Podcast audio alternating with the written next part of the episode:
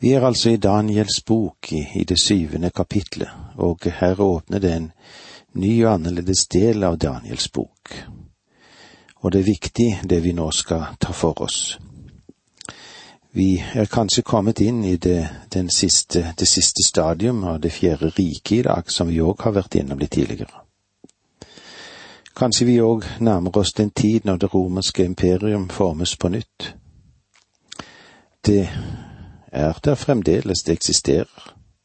Det lever i Italia, i Frankrike, i Tyskland og i Spania, og eh, vi må vel kunne si at det eksisterer i de fleste folkeslag i Europa som er omfattet av det romerske imperium. Og det som trengs, det er en som vil føre disse folkeslag sammen igjen. Vi nærmer oss den tiden hvor nær den er, det er vel ingen av oss som kan være sikre på. Og om vi kanskje bør spekulere på det i det hele tatt. Men nå er vi inne i Daniels bok, og eh, da må vi bruke litt tid og tenke litt igjennom dette.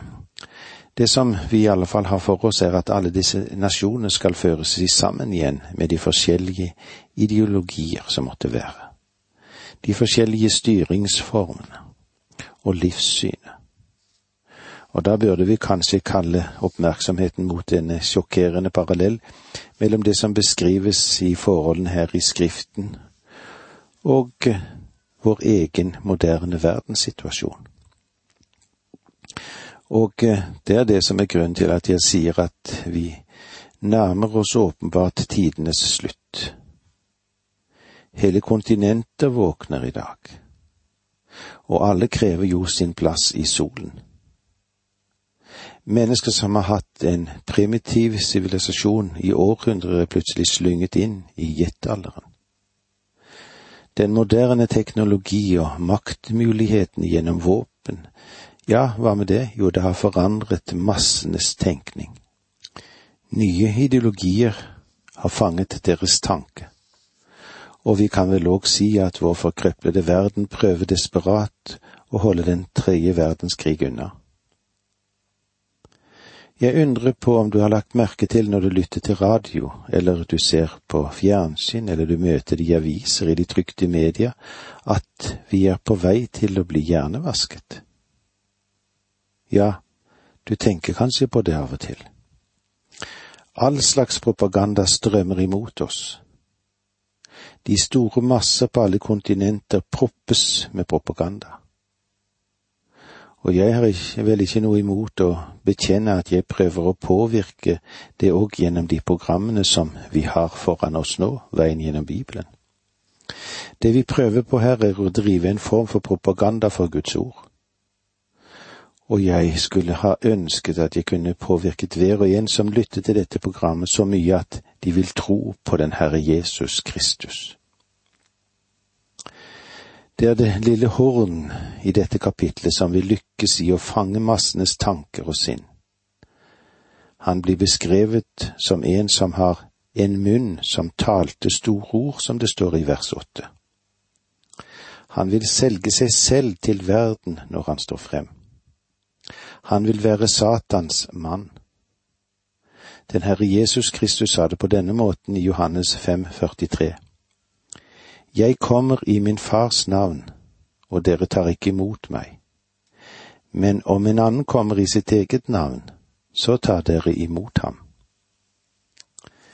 Humanismen, den herliggjør mennesket overalt. Og ikke minst er det mennesker som er i medienes lys som blir forherliget. Teatret, i betydning det ytre og det overflatiske som ødela grekernes, grekernes moral, er i ferd med å gjøre det samme med vår moral. Er det slik? Jeg hører mange unge mennesker tale om sin frihet, men de bruker det samme språk, og de bruker de samme klær som finnes overalt ellers i verden. De har jo ingen frihet. Mennesket, det blir hjernevasket. Vi hadde vært i en atskillig bedre posisjon om mennesker hadde blitt gjennomtrengt med Guds ord. Det er et skremmende bilde og en rystende scene som Daniel tegner for oss. Nå må dere ikke misforstå meg. Jeg sier ikke at det vi ser i dag er oppfyllelsen av profetien. Det jeg ganske enkelt sier er at vindene begynner å blåse, og det kan bli en ganske lang storm.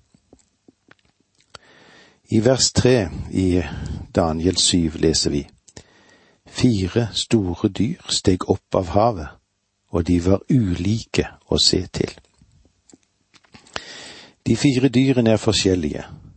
Løven, bjørnen, leoparden og dyret med de ti horn. Jeg har aldri møtt et dyr med ti horn, med unntak av her i Daniels bok. Disse dyrene representerer kongeriket sammensatt av mange folkeslag, tungemål, stammer og nasjoner. Løven, eller skal vi si Babylon. Vers fire kapittel syv. Det første dyret var som en løve og hadde ørnevinger. Mens jeg så på det, ble vingene revet av, og det ble løftet fra jorden og reist på to føtter som et menneske, og det fikk et menneskehjerte.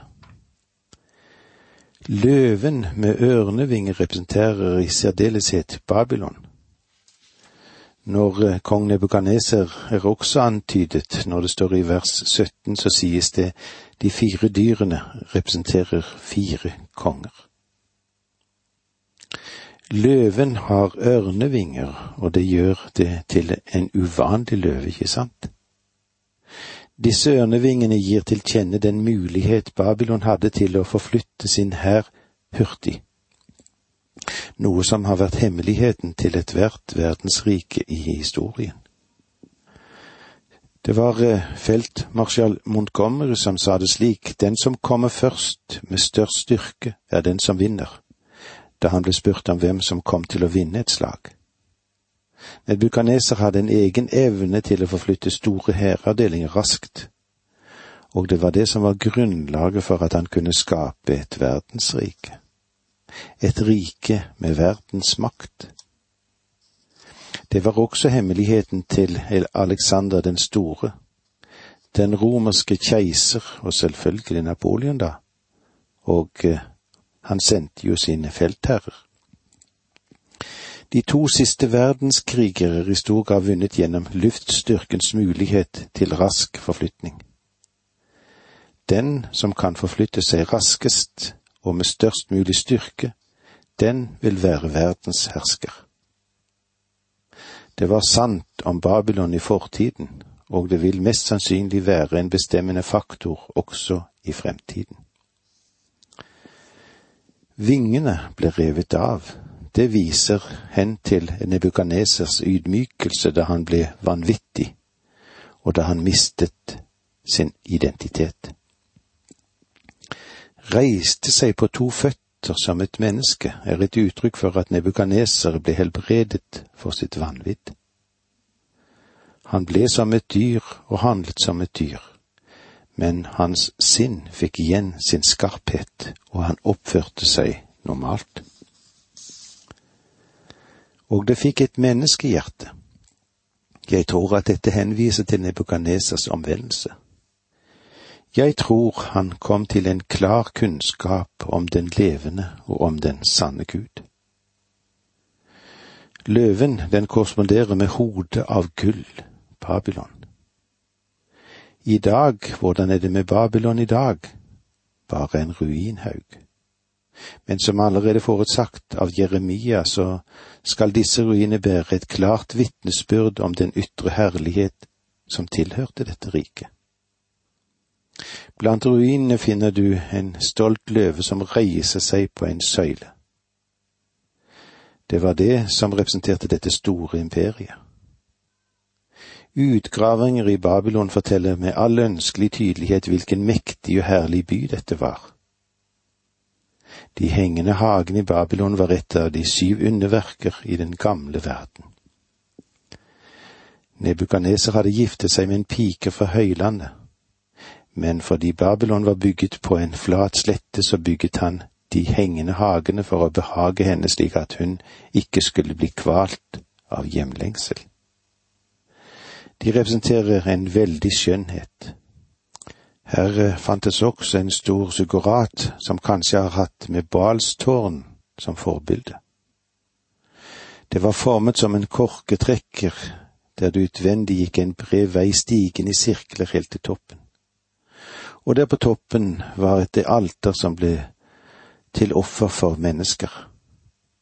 Babylonerne hadde et fantastisk postvesen, og likeledes hadde de mange hus med badekar i og med kobberrør som førte vann til og fra. Det var et opplyst folk med et veldig bibliotek i denne storbyen. Rundt byen var det en kjempemur, hundre meter høy og bred nok til at fire vogner kunne kjøre ved siden av hverandre, og som beskyttet hele byen effektivt. Det var det vi fikk med oss i dag.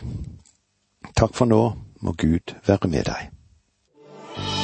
Dette undervisningsprogrammet består av to deler. Åge Nevland fortsetter nå med andre del av dagens undervisning. Vi er i Daniels bok i det syvende kapitlet, og vi ser på hvordan Daniel opplever å fortelle oss hvordan det vil være, det vil være i den siste tid. I vers fire i kapittel sju leser vi slik. Det første dyret var som en løve hadde ørnevinger, mens jeg så på det ble vingene revet av og det ble løftet fra jorden og reist på to føtter som et menneske. Og det fikk et menneskehjerte. Løven, altså den korresponderer med hodet av gull som i Babylon.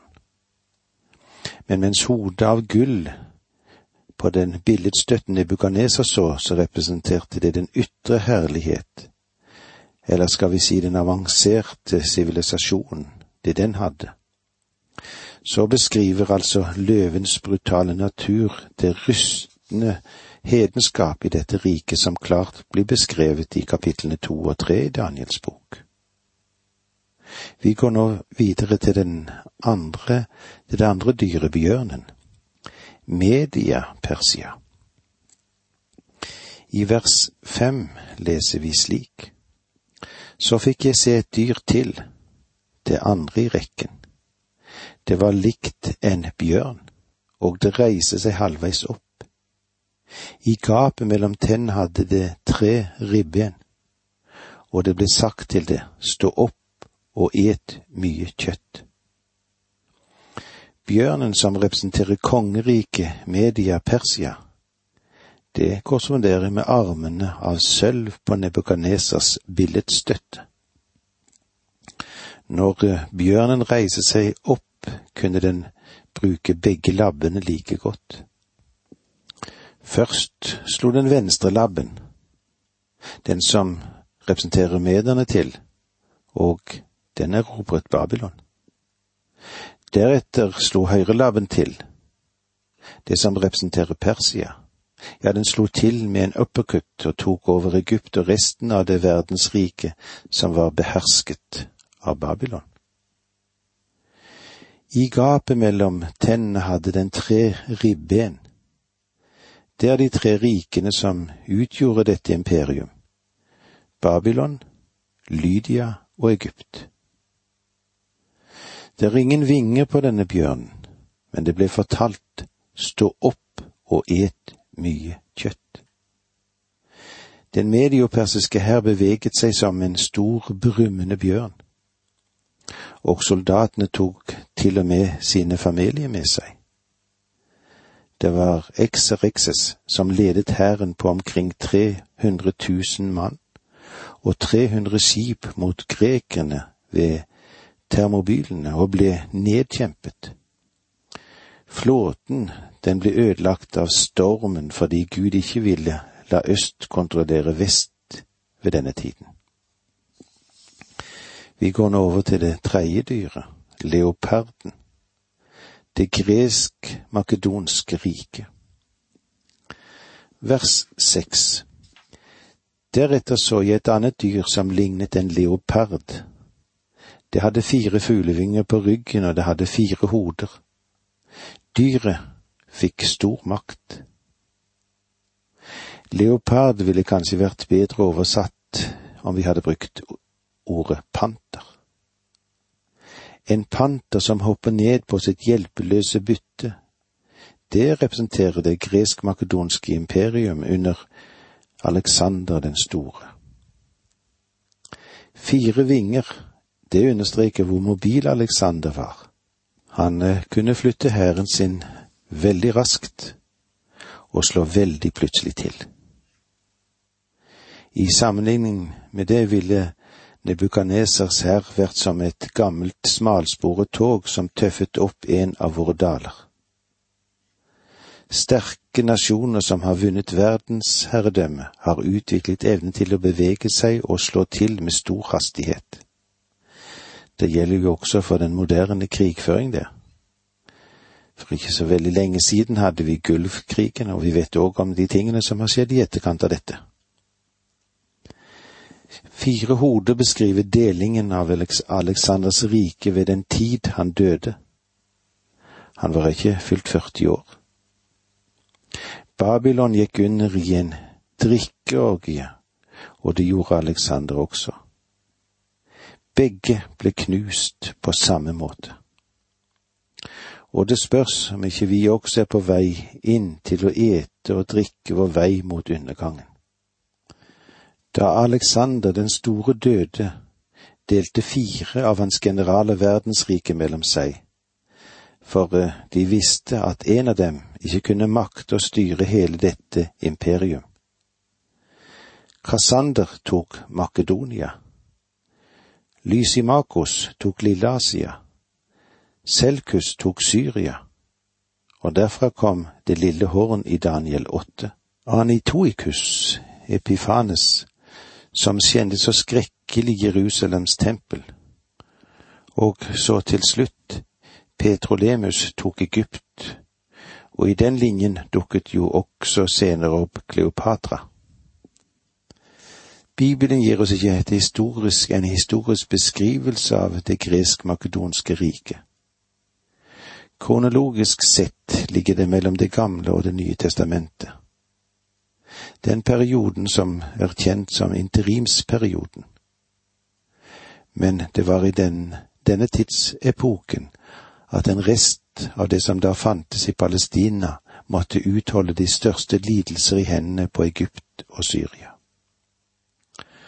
Og så har vi synet av det fryktelige dyret med ti horn, Rom.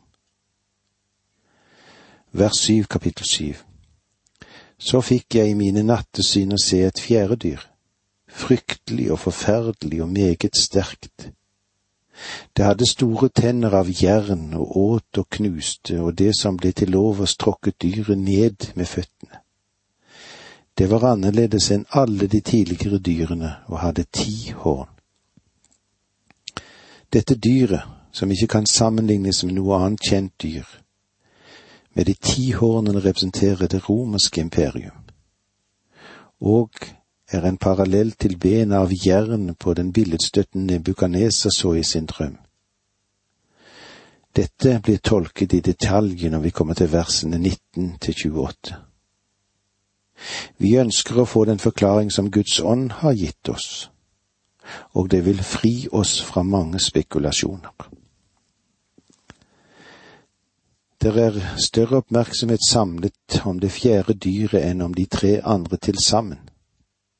Denne delen er svært viktig for oss fordi vi lever i den tid som omfattes av det fjerde dyret.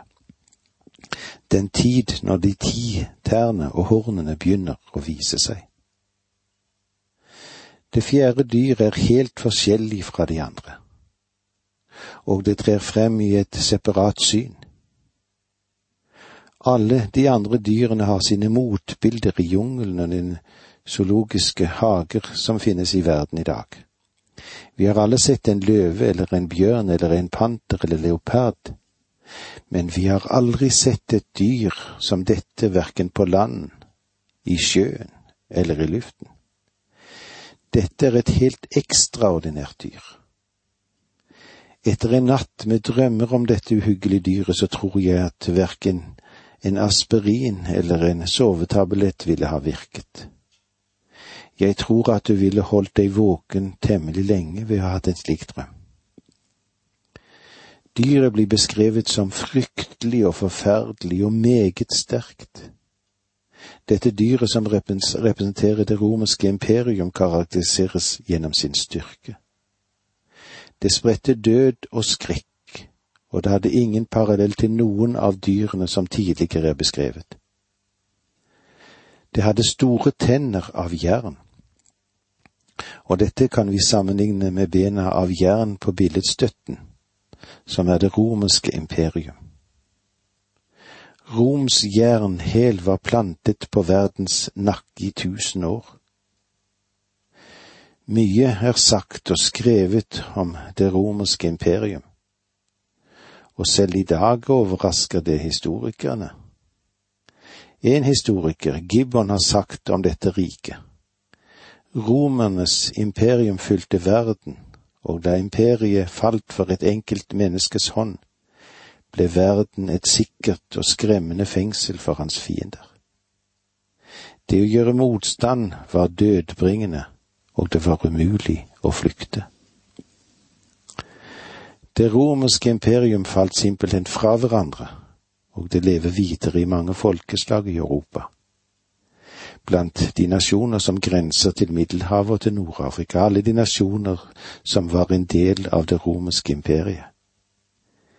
Ingen nedkjemper romerne, men det falt fra hverandre innenfra og ble delt i flere riker. Dette uvanlige dyret hadde ti horn som åpenbart korresponderer med fotbladene på billedstøtten, som hadde ti tær. Vekten ligger her ikke på opprinnelsen til dette imperiet, men på hvordan det skal ende den perioden som de ti horn omfatter. Og med dette må vi si takk for nå, må Gud være med deg.